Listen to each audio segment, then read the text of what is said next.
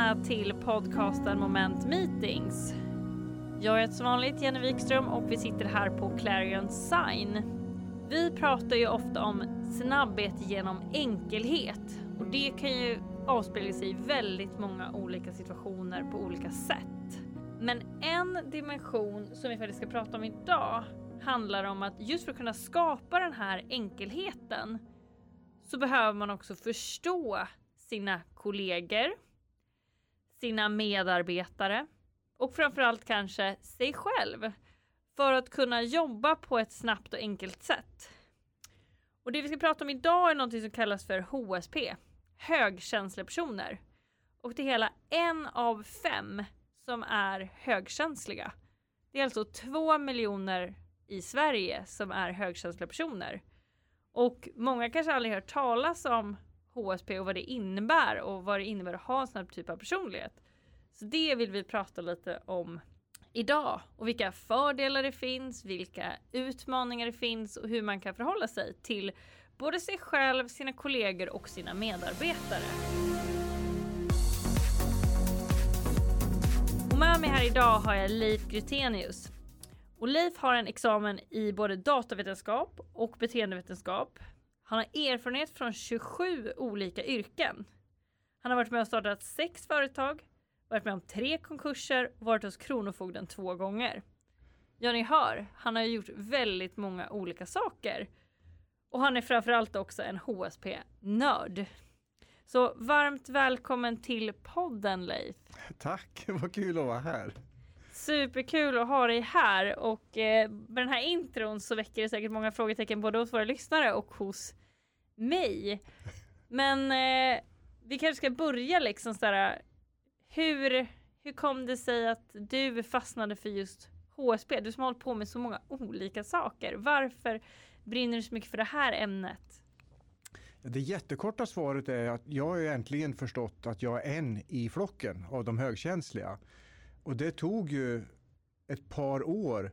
Jag började läsa om det här 2012 men det tog då ända fram till hösten 2014 innan jag tänkte att nu kliver jag ur högkänslighetsgarderoben.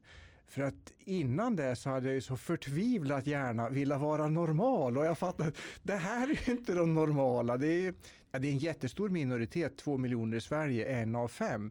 Men jag ville ju tillhöra de normala så det tog ett par år för mig att hacka i mig att okej, okay, jag tillhör den här flocken. Varför tyckte du att det var så svårt? Ja, eh, ja men en av pusselbitarna, jag är redan eh, ända sedan jag var liten, jag är född och uppväxt i Tiveskogarna i Närke. Och då fick jag ju höra som barn, var inte så ågärslig pojk. Och jag visste ju inte vad ågärslig var, det kanske de flesta inte vet vad det är för någonting. Jag ska strax berätta vad det är för någonting. Men som barn då så förstod jag ju att Ja men det där med ågärslig på det sättet som det sades. Det var inget vidare att vara ågärslig och vad värre var att jag fattade ju att jag var en av de här ågärsliga. Och man skulle väl kunna beskriva ågärslig eller översätta det till ungefär onödigt känslig. Ja för då kommer vi in lite på det här med högkänslighet. Så om du skulle beskriva, vad skulle du säga att det, det innebär att vara högkänslig? Den korta beskrivningen är, jag brukar säga, det är som en blandning av Kinderägg och Svarte Petter. Och Kinderägget är ju tre önskningar i en och Svarte Petter, ja men den vill man ju inte ha. Och det var ju Svarte Petter som jag kände till från början, för jag hade ju sett att jag var uppfattades som ja, men, onödigt känslig. Kände inte efter så mycket, var inte så känslig. Fick jag ju höra som barn och det har jag förstått att många andra har fått höra. Då. Så att eh, Ja, den korta beskrivningen, det, det är tre riktigt bra saker och en som man inte vill ha. Men de bra sakerna hade jag inte koll på.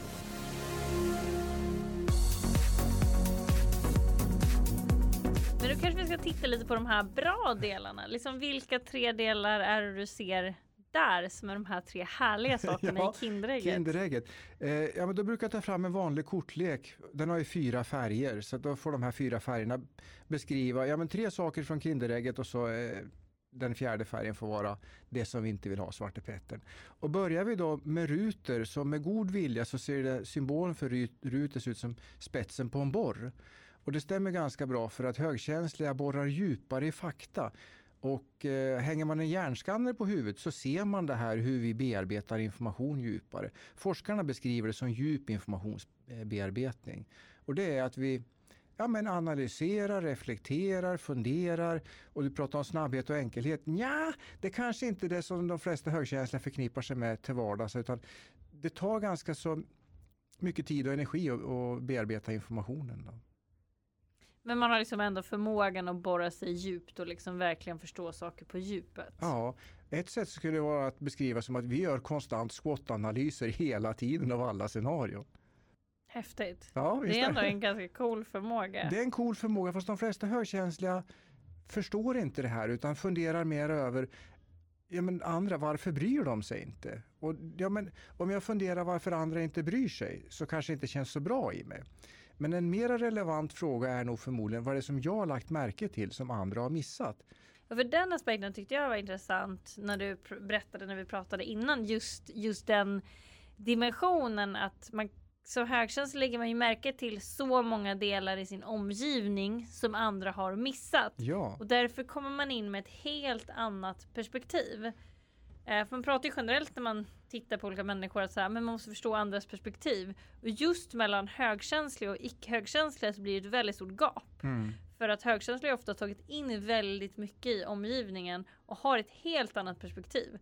Och där kanske man måste hjälpa de som inte är högkänsliga att förstå de här andra perspektiven och de signalerna som de inte har läst av. Och där tycker jag att ja, men det är ju upp till oss högkänsliga att berätta vad är det vi har lagt märke till. Då? För om vi fortsätter i kortleken då som hjärter, ja men vi har ett öppet hjärta. Eh, forskarna säger att vi är emotionellt mottagliga, vi har förmåga att fånga upp känslostämningar. Och det här är ju en jättetillgång i många arbetssammanhang. Eh, I morse så när jag var liksom eh, på morgonpromenad så är det en kvinna som hejdar mig. Jag vet vem du är Leif. Oh, oh, mamma har varnat mig för sådana här kvinnor, eller borde ha gjort det i alla fall. Men jag tänkte, ja, men hon såg ju ganska snäll och, och rejält gråhårig ut. Så att, eh, ja. Och det visade hon var ju före detta polis och har som vuxen upptäckt det här med högkänsligheten. Och hon har ju haft en jättetillgång av högkänsligheten i jobbet för hon kunde liksom lägga märke till det här, kanske fånga upp känslostämningar, bara veta att det här ska vi kolla upp. För då liksom fångar hon upp känslostämningarna, bearbetar det här djupare. Då. Så för henne var ju det en jättetillgång i jobbet. Mm, och det tror jag är det för många. Hur tänker du annars kring hjärtar? Eller liksom, finns det något annat exempel på liksom hur det ger sig uttryck? Jag kan ta ett konkret exempel då. Det var en, eh, en föreläsning som jag höll och eh, så kommer det fram en kvinna efteråt och berättar lite grann om sina iakttagelser och reflektioner. Och då var det det handlade om eh, Mamman hade varit ute och gått med sin dotter och så möter de en väninna och så frågar mamman väninnan hur är det? Jo men det är så bra säger väninnan. Men dottern hade ju redan berättat för att vad konstig tanten var. Nej, tyckte mamman, det liksom, hon var väl inget konstigt. Jo, sa flickan, tanten var konstig. Så att efter ett tag så liksom, de gick en bit och sen började mamman fundera, men vänta nu, vad, vad, var det vi pratade om? Hur var det? Jo men det är bra, säger väninnan. Och så frågar dottern, vad, vad var det du tänkte på? Jo, tanten sa att det var bra. Men det var ju inte det. Hon var ju ledsen, sa flickan. Jaha, märkte du det, sa mamman. Och sen dröjde det inte så länge så fick ju mamma reda på att ja, men väninnan låg ju i skilsmässa. Så dottern fångar ju upp de här känslostämningarna. Och det är, det är ganska många så högkänsliga som fångar upp känslostämningar. Sen kan det vara olika. Och jag ska säga så här också. det finns väl ingen som tror att alla vänsterhänta är lika. Och det är likadant med högkänsligheten. Vi är inte lika. Så jag generaliserar, förenklar, kanske raljerar lite för att göra det begripligt det här. Då. Men där kommer vi in till det här när vi pratar om snabbhet genom enkelhet. Att genom att förenkla så kan man snabbare förstå och snabbare då eh, förhålla sig till andra typer av människor. Ja. Så att det är ju liksom en del. Vi måste ju förenkla för det är så vår hjärna är uppbyggd. Och det är det som jag gillar med kortleken för då blir det, det är att förenkla och då blir det snabbare att förstå, ja men vem är jag, vem är kollegan?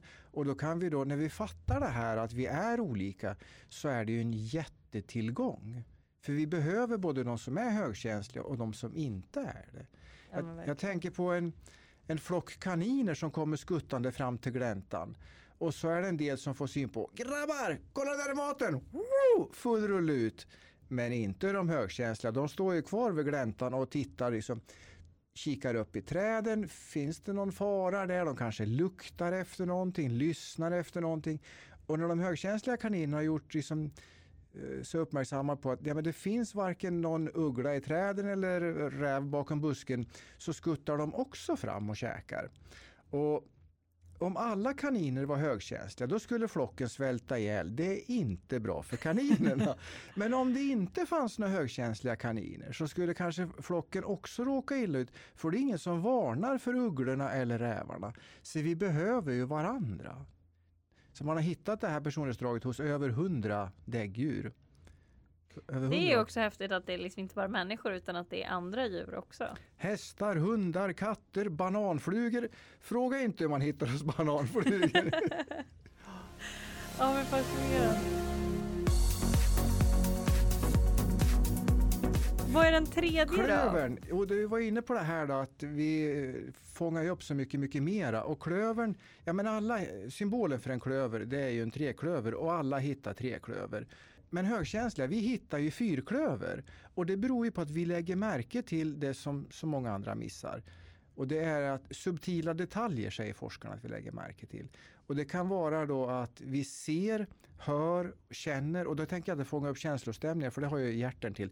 Utan känner, det kan vara liksom, eh, att gå barfota i gräset, att eh, ja, men som barn märklapparna i, i mm. Ja, vilken grimas!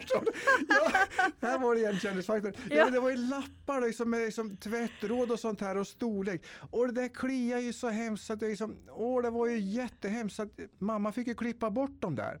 Men innan mamma förstod hur viktigt det där var för mig så klippte hon ju bara bort lappen. Och det vart ju sju resor värre för då vart det ju en vass kant istället. Åh oh, gud, jag känner verkligen igen det där. Just stickade tröjor har jag ja. aldrig kunnat ha sådana här som är lite stickiga. Åh oh, gud. Ja, det är ju hemskt. Och, och, fördelen med det här då, för det låter som att det är bara pest med det här, men fördelen är att vi fångar ju upp så pass mycket. Jag tänker på den polisen som jag träffade, eller före detta polis, jag misstänker att hon var nog pensionerad nu såg det ut som. Då. Att fånga upp både att fånga upp känslostämningarna och sen då så höra, se, känna och det kan vara lukt och smak också. Att fånga upp. Så vi, vi har ju ett mycket, mycket större beslutsunderlag och sen bearbetar vi det här djupare. Det är en fantastisk resurs när vi fattar det. Så att det gör ju då att eh, enklare och snabbare kommer vi framåt på så sätt att det blir färre misstag gjort och ja, men jag som har varit mycket i som, eh, företagsrådgivning, affärsutveckling. Ju tidigare man gör misstagen, för alla gör misstag, men ju tidigare vi gör dem, ju billigare blir det. Ja men verkligen. Mm. Definitivt. Mm. Och just det där, jag har reflekterat det mycket när man har varit ute och jobbat på många olika ställen och i projekt. Att att man just ser så här, okej okay, men den här personen gillar inte samarbeta med den personen och den personen gillar den men inte den och det här funkar och det här, den säger det och den säger det. De tror att de säger samma sak men de pratar egentligen om olika mm. saker. Och innan man insett så här, okej okay, men alla ser inte den här bilden eh, och alla ser inte alla de här dimensionerna. Eh, det, ja, det är häftigt när man kommer till den insikten att man verkligen kan använda det för att hjälpa hela gruppen att se samma bild. Och det är ju precis som att hjälpa gruppen, att vi är ja, men som kaninflocken. Ja, men det behövs ju bägge sorter. Då. Några som är mera eh, skjut från höften, nu kör vi och någon mera eftertanksam. För om alla är exakt lika i teamet, ja men det blir inte speciellt bra. Inte. Antingen händer ingenting eh, för alla sitter och funderar. Eller också så händer en jädra massa helt utan eftertanke och det blir kanske tokigt det också. Så att, att, att vi är olika, det är ju berikande. Ja men verkligen.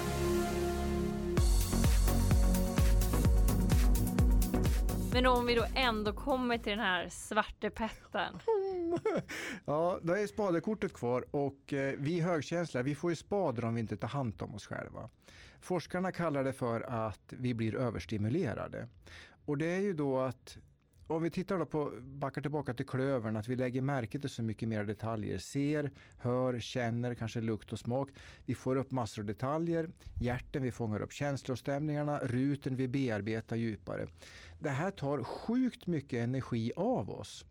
Det blir ett jättebra beslut. Vi fattar oftast väldigt kloka beslut. Men att det tar ju energi. Och det är ju då att, att förstå det här Eh, jag menar, telefonen, ja, det finns ju en batterisymbol och på datorn och bilen har jag tankmätare på.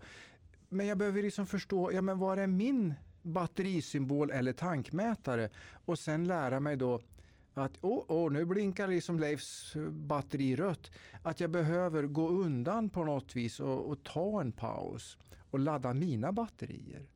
Då blir det riktigt bra. Men innan jag fattar det här så, ja men som ett exempel då, Eh, tidigare då att vara på kick-off med jobbet, det var ju sån här skräckblandad förtjusning. För, ja, men det är ju jättefränt på dagen, det är teambuilding-övningar, föreläsningar, workshoppar.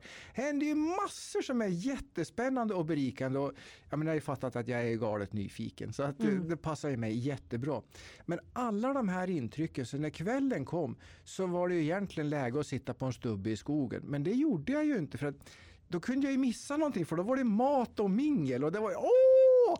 Och, men då fanns det ju någon som dök upp och sa, ska du ha en whisky före maten Leif? Ja tack, och jag kanske fick två whisky. Och sen ett glas vin till maten eller två. Och det där med facit i hand så förstår jag att det där var ju någon typ av självmedicinering för alkoholen dövar ju sinnet på något sätt. Då. Så att då kunde jag liksom dämpa sinnesintrycken och liksom härda ut hela kvällen. Jag dricker fortfarande både whisky och vin men det är mindre av det. Det är mera stubbe i skogen nu och det ger ju kanske lite mindre ja, men, eh, negativa effekter. Jag kanske får flisor i arslet men det kan jag väl leva med. Då. Ja men verkligen, men det gäller att hitta sin balans där i att inse liksom vad är det som tar energi för mig och vad är det som ger energi och när ska jag använda min energi och hur ska jag använda min energi? För att hitta liksom ett bra, en bra balans i den dimensionen. Och, och det där du säger nu, det är otroligt viktigt och självkännedom är ju för högkänsliga ja, men en av de absolut viktigaste sakerna för att må bra. Att upptäcka det här. Vad är det som tar min energi? Hur laddar jag den? Eh, ja, men jag mediterar regelbundet och använder Lars-Erik Uneståls mentala träning med självhypnos. Det är liksom mina sätt att snabbladda. Eller att ha lite mer tid att vara ute i naturen. Och, ja, men, i, idag nu så på eftermiddagen åkte jag tåg ner hit till Stockholm. Jag bor ju i Gävletrakten. Och ja, men jag såg många runt omkring mig som satt med sina mobiler och hörlurar på. Och liksom, de pillade och donade. Nej, jag satt där liksom i min egen värld och liksom mediterade lite grann stundtals och tittade ut genom fönstret stundtals. Så det var ju som, tittar jag i telefonen så kommer det så himla mycket intryck hela tiden. Och det är inte någon återhämtning. Jag behöver ha paus ifrån intrycken. Och då vart det lugnare bara att titta på liksom det som händer inne i tåget jämfört med det som händer på skärmen. jag brukar prata med mina kompisar om att titta på Vila hjärnan-TV. Ah, och vad är det då? Jo, men just att titta på vissa program som inte kräver så mycket uppmärksamhet, inte är som är snäll tv också. Att det, det händer inga obehagliga saker där det är mycket känslor i att ta in liksom. Så tittar jag på, eh, vad ska vi outa för program? Eh, hela, hela Sverige bakar. Eh, där är det, så här, det är bara så här mysigt. De ja. som ska baka, det är lite tävling, det kan bli lite stressigt men det är ändå ganska härliga grejer som händer i ett program. Man vet exakt programmet, upplägget, man behöver inte fundera. Man kan liksom titta utan att behöva få jättemycket intryck. Mm. Medan tittar man på liksom en, en dramaserie där det är jättemycket olika delar som händer. Det kanske är konflikter, saker som liksom är obehagliga. Jag i alla fall personligen tar ju väldigt mycket in känslorna från de här karaktärerna. Och jag kan ju vara liksom deppig en hel dag efter att kolla på en serie som, där någon mår dåligt i serien. Så att eh, ja, jag brukar prioritera beroende på vad min energinivå är.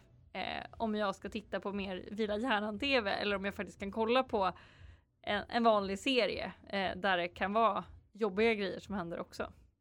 Ja, men det är en jättebra beskrivning och då gäller det att hitta vad är, liksom, vad är mitt vila hjärnan-tv eller vad det nu är för någonting. Så att det är, och det är återigen självkännedomen och eh, snabbhet och enkelhet eh, pratar ni om. Och då är det liksom att, att hitta det här som gör att jag snabbare kan komma på banan igen då. För att om vi bara kör på, vi som är högkänsliga, så kör vi slut på oss. Och det är inte bra vare för oss själva eller för laget, teamet, organisationen, eh, men samhället det verkar som att högkänsliga är överrepresenterade i gruppen som har utmattningssyndrom. Och det är liksom, då har man ju dragit det ja, men väldigt långt så att säga. Så att, att hitta nivåer före, hur laddar jag?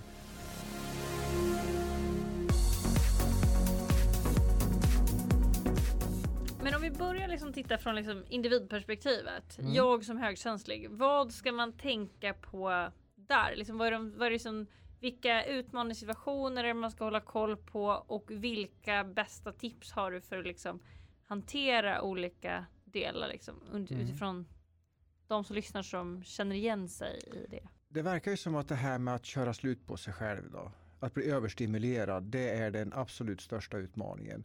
Och då är det ju att men på något vis att göra sig medveten om sin egen batterilampa eller tankmätare. Vad har jag för energi?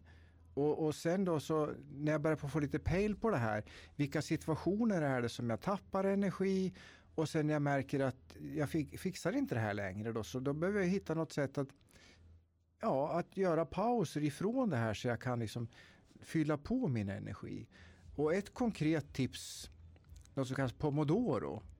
Det tror jag att ni kanske pratade om när ni snackade om eh, monotasking i podden. I alla fall så vet jag Mm. att han som var gäst då, han har skrivit om pomodoro också. Mm. Och, och kort kan man säga att eh, ja, men det är en metod där man, liksom, man kör intensivt 25 minuter och så 5 minuters paus, 25 minuters arbete, 5 minuter paus. Eh, Jag har testat det där när jag jobbar själv, ja men då funkar det jättebra. Det är bara att sätta på äggklockan och så lämnar jag datorn eller vad jag nu gör för någonting. Men när jag jobbar med ett lag människor, då är det inte lika enkelt. Men jag skulle intervjua högkänsliga vid ett tillfälle för många år sedan. Och då var det första intervjun jag gjorde, vi höll på två timmar. Jag var alldeles slut efteråt. Och det var ju hon som intervjuade också. Eh, nästa dag skulle jag göra två intervjuer, en på förmiddagen och en på eftermiddagen. Jag fattade att jag kan inte göra på samma sätt för då kommer jag liksom vara klappslut vid lunch och då blir det ingenting på eftermiddagen. Så jag behöver göra på ett annat sätt. Och då tänkte jag att ja, men jag har ju läst de här pomodorerna och jag har provat när jag jobbat själv med det. Undrar om det funkar när jag ska göra en intervju. Så att jag introducerar tanken till hon som jag skulle intervjua och vi bestämde, ja men vi kör 25 minuter så tar vi 5 minuter paus. Och det funkade då så att ja, men vi, vi hann då liksom ett, ett block på 25 minuter och sen så tog vi, det kanske inte har varit exakt 5 minuter, men vi gick och tittade på utsikten och vi gick åt varsitt håll och hjärnan fick eh, ja, men lite lugn och ro. Man kunde gå på toaletten, ta lite vatten. Vi körde 25 minuter till, 5 minuter paus. Så att vi höll på lika länge, två timmar, men vi delade upp det på fyra sessioner istället med pausar emellan. Resultatet blev att jag, men jag var pigg och fräsch efter de där två timmarna. Dagen före var jag klappslut.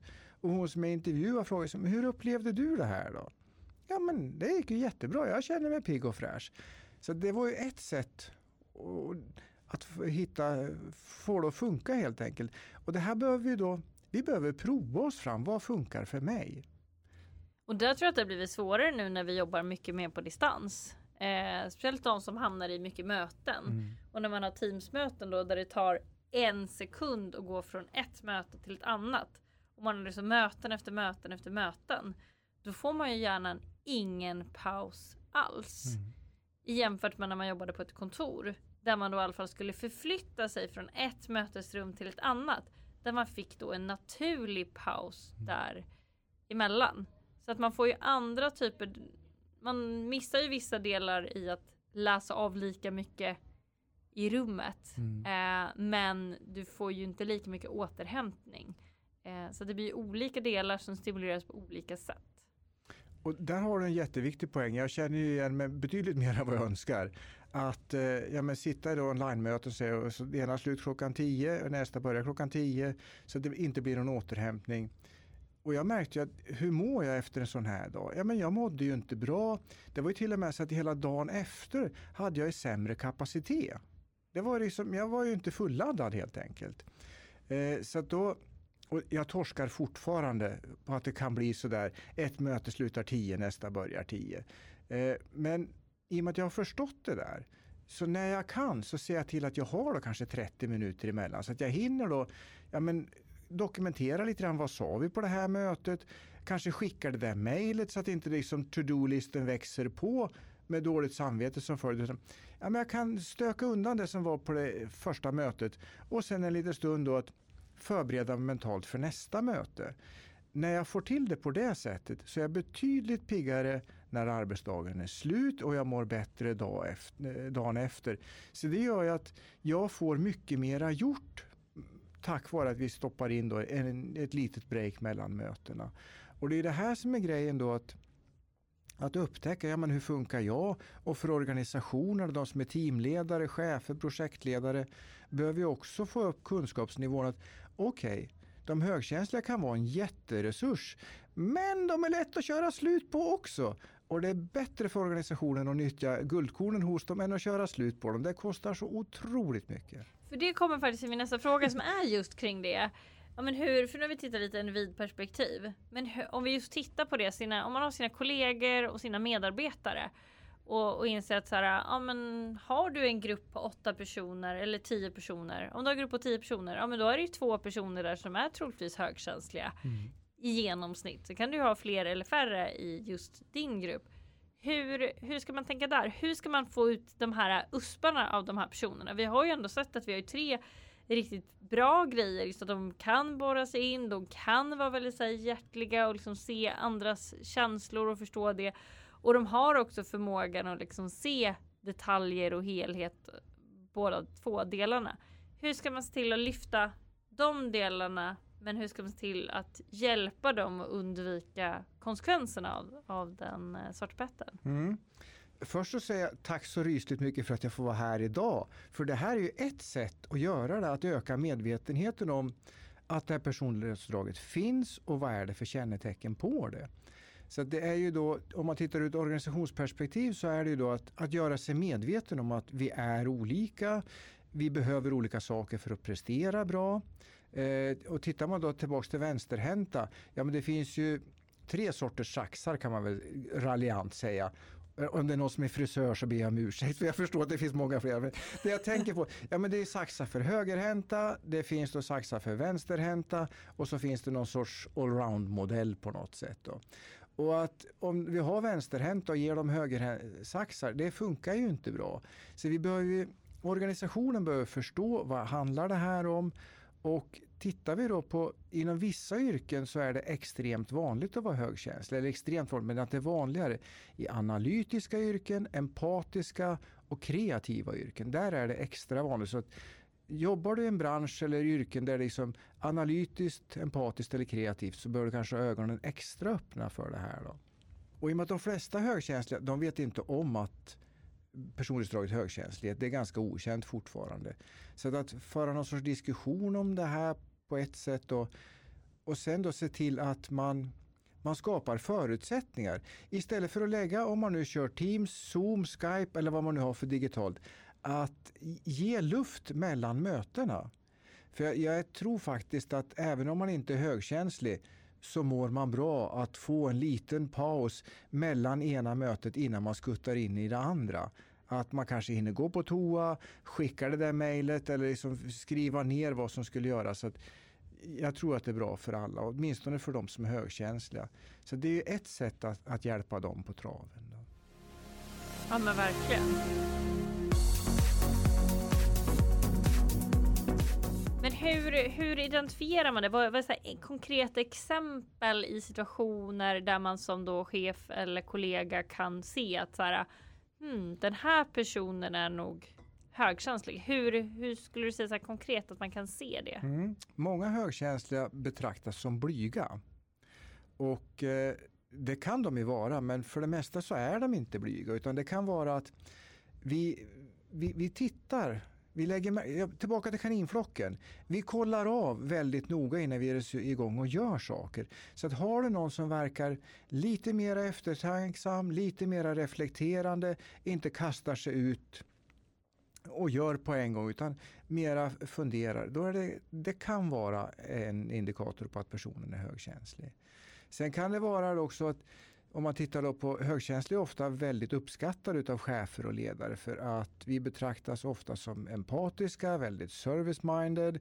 Vi har förmåga liksom att ja, men hjälpa människor till rätta. Kommer det någon ny på kontoret eller vart man nu jobbar någonstans så är vi där och tar hand om dem på olika sätt. Då.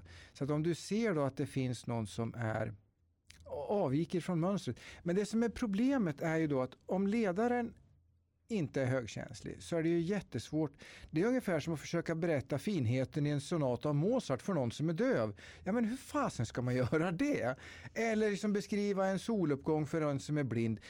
Det är inte så lätt helt enkelt. Så att det är ju då Men finns det några varningstecken man kan leta efter istället då? Alltså konkret liksom så här, just för att undvika de mer negativa delarna. Hur kan man liksom stötta sina kollegor och medarbetare? För just som du säger, alla är inte medvetna om att man har det här personlighetsdraget.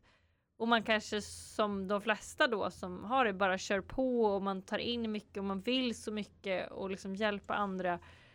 Hur, hur kan man hitta liksom vissa så konkreta som man då kanske använder som icke högkänsliga, att man då inte känner av signalerna utan finns det några så här, ja men så här konkret mer faktabaserad grej som man kan så här, spana efter? Mm, det är en sjukt bra fråga. Jag önskar det lika bra svar som var frågan är. Men det jag kan tänka mig så är det ju då att ja, men håll koll på, på stressnivån hos dina medarbetare. Att eh, för om vi har de här Teamsmöten som ligger ja, men vägg i vägg så att säga. Så är det någon som reagerar på det här så kan det vara en som är högkänslig. Sitter man i ett öppet kontorslandskap så kan du titta efter, är det någon som gärna drar sig undan och som sitter i, ja, men i små samtalsrum och så, jaha, ska du ha möte? Ja, jag väntar på att någon ska ringa. Eller, ja, men, att personer som verkar vilja dra sig undan på något sätt. Mm. Det är väl liksom det som jag kommer på direkt sådär som skulle kunna vara indikatorer.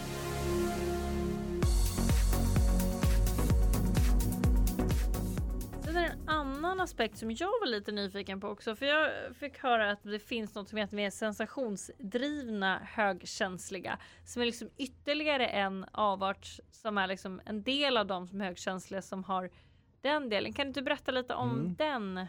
HSS brukar förkortningen vara på det där, High Sensational Seeker. Och eh, i vanliga fall så eh, i en normalpopulation så en av fem är högkänslig. Och bland de som är högkänsliga så, lite osäker på siffrorna, men det verkar som att kanske en av tre är då sensationssökande. Och att vara sensationssökande det är ju då, ja men man kanske ja, men, åka motorcykel fort, hoppa bungee jump, ja men saker som ger adrenalinkickar på något sätt, sensationer. Och det här kan ju då stöka till det på ett sätt då för att då behöver jag ha de här adrenalinkickarna samtidigt som att det kanske då liksom ställer till det för mig som högkänslig. Så det, det är ytterligare en dimension på det här. Och ska jag stöka till det ännu mer så kan vi prata introvert och extrovert. Och det är ju då att i normalfallet skulle jag vilja påstå att de flesta är extroverta. Vi kanske hämtar energi i folksamlingar och liksom tycker det är jättefestligt med möten. Men eh, högkänsliga tenderar ofta att vara vanligare att man är introvert, att man hämtar mer energi i stillhet. Och då kan man väl säga så här att bland de som är högkänsliga så ja, men en tredjedel kanske är extrovert och två tredjedelar introverta. Och sen har vi det här med HSS också. Det verkar också vara att kanske ja, men en tredjedel av de som är högkänsliga är eh, högkänsliga och sensationssökande. Då. Hänger det ihop de som är extroverta då och de som är HSS? Jag har inte sett någon forskning på det, men eh, om jag skulle gissa så ja, jag skulle kunna tänka mig att det finns ett samband där, men jag har inte sett några siffror på det. Inte Nej, för jag tycker den nu är jag extra partisk för att jag har insett att jag är mer åt HSS-delen just för att jag ändå är mer extrovert och vill få saker att hända och liksom mm. mer få den här inre konflikten som jag har läst väldigt mycket om mm. kring det. Um, och den är, ja det känns som en lite så spännande kombo just högkänslig och mer driven liksom mm. att vilja göra mycket saker. Och det där är ju Ja, men det, det är jättespännande. Vad, liksom, vad, vad kan en sån person åstadkomma i ett team? Det är ju fantastiska saker. Så man behöver förmodligen hålla koll på ja, men sin egen... Eh, efter man har gjort någonting som eh, höjer upp pulsen eller vad det nu händer i en, att ja, men får den återhämtning som behövs efteråt. Då. Jag brukar jämföra ibland då som att, att vara högkänslig är som att åka dragracing, köra dragster. Eh, ja, men åker du rally med bilar så ja, men det håller du på ganska så länge. Det kan vara timmar som man kör. Då. Men dragracing, särskilt då Top Fuel Dragster, så pratar vi alltså det är några få sekunder som du har fullt blås i maskineriet. Och sen då så du kanske ja, men gör en ja, men en repa eller kanske två så att motorn kanske går, vi pratar 10 max 20 sekunder kanske. Och sen får man riva hela motorn och liksom återställa och serva den. Då. Och att, eh, för det är, som, det är sån energiladdning och jag kan misstänka att att vara högkänslig och sensationssökande, det kanske är som att åka dragster. Spännande. Samtidigt vad får du för eh, reaktioner när du pratar om det här med människor? Du som ändå är ute och men föreläser en del, träffar många människor. Mm. Det vanligaste är ju då eh, ja, men människor brukar både skratta och gråta. Och det är eh, igenkänningsfaktorn, att det finns fler som jag. Det är inte fel på mig. Det här och ja, men en del, det är inget ovanligt, säger att ja, men jag hade ju fyllt 50 innan jag upptäckte det här. Och det är ju då ja, men att bli medveten om att, att känna sig okej okay på något vis. Det gör jätteskillnad för människor. Eh, för några år sedan, det var innan pandemin, så dottern min och jag, vi är ju högkänsliga bägge två. Och hon var väl kunde hon varit 14-15 bast eller någonting, så var vi nere i Stockholm och föreläste på temat högkänsliga barn. Ja, men det var ju jätteroligt tyckte jag. Dels jag menar, att göra saker tillsammans med barn, sina egna barn är, är jätteroligt. Och då var det ja, men, två generationer, far och dotter. Och sen då så, ja, men, olika könsperspektiv, manligt, kvinnligt. Och vi hade ju liksom människor i publiken som kom fram och grät och kramade om oss efteråt. Och det var ju då att ja, men de kände igen sig, de kände sig bekräftade, de var sedda och hörda. Att, ja, men just det här att upptäcka att det finns fler som jag, det är så förlösande. Det är jättemånga som berättar att, att de gråter när de upptäcker att det finns flera.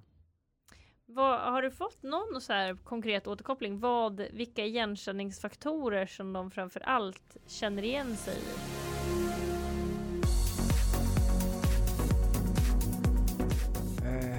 Ja, men en sån där grej när jag har pratat om att ja, men eh, varför bryr sig inte andra? Det är någonting som många har kommit fram och liksom, ja men det där kände jag igen. Jag har ofta funderat var, varför bryr de sig inte?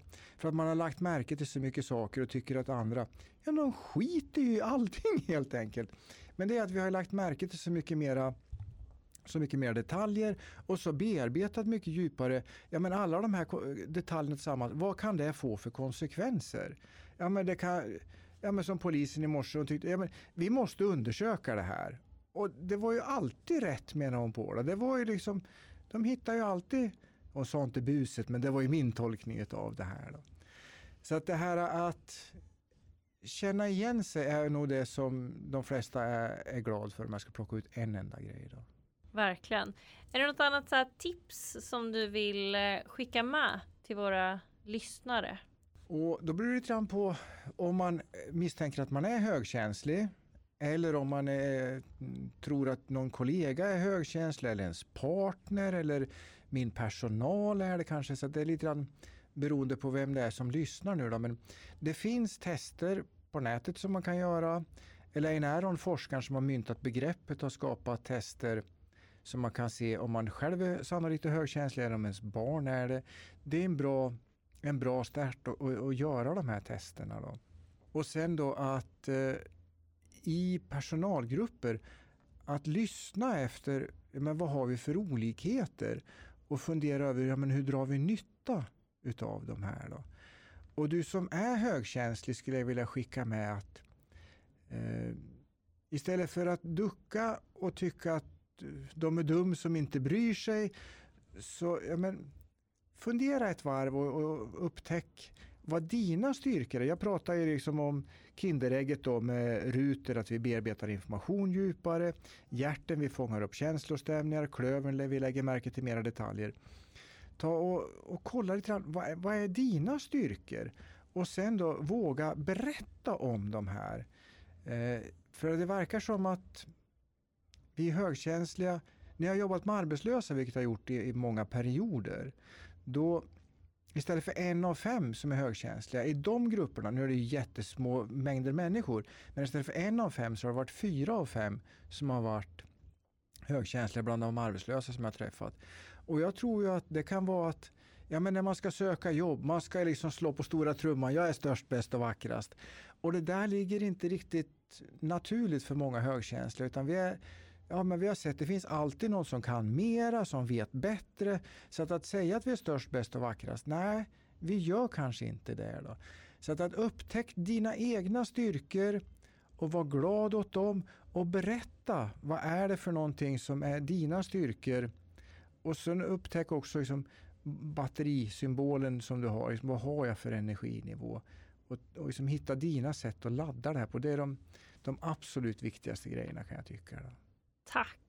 Fantastiskt mycket bra insikter. Uh, och stort tack för att du har varit med oss här i podden. Och tack idag. för att jag fick komma hit och berätta om det som jag brinner för.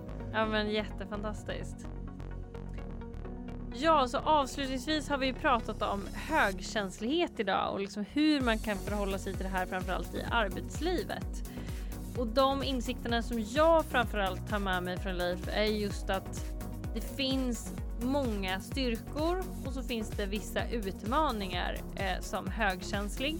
Eh, och där just att hitta sina uspar liksom av de bitarna där det finns.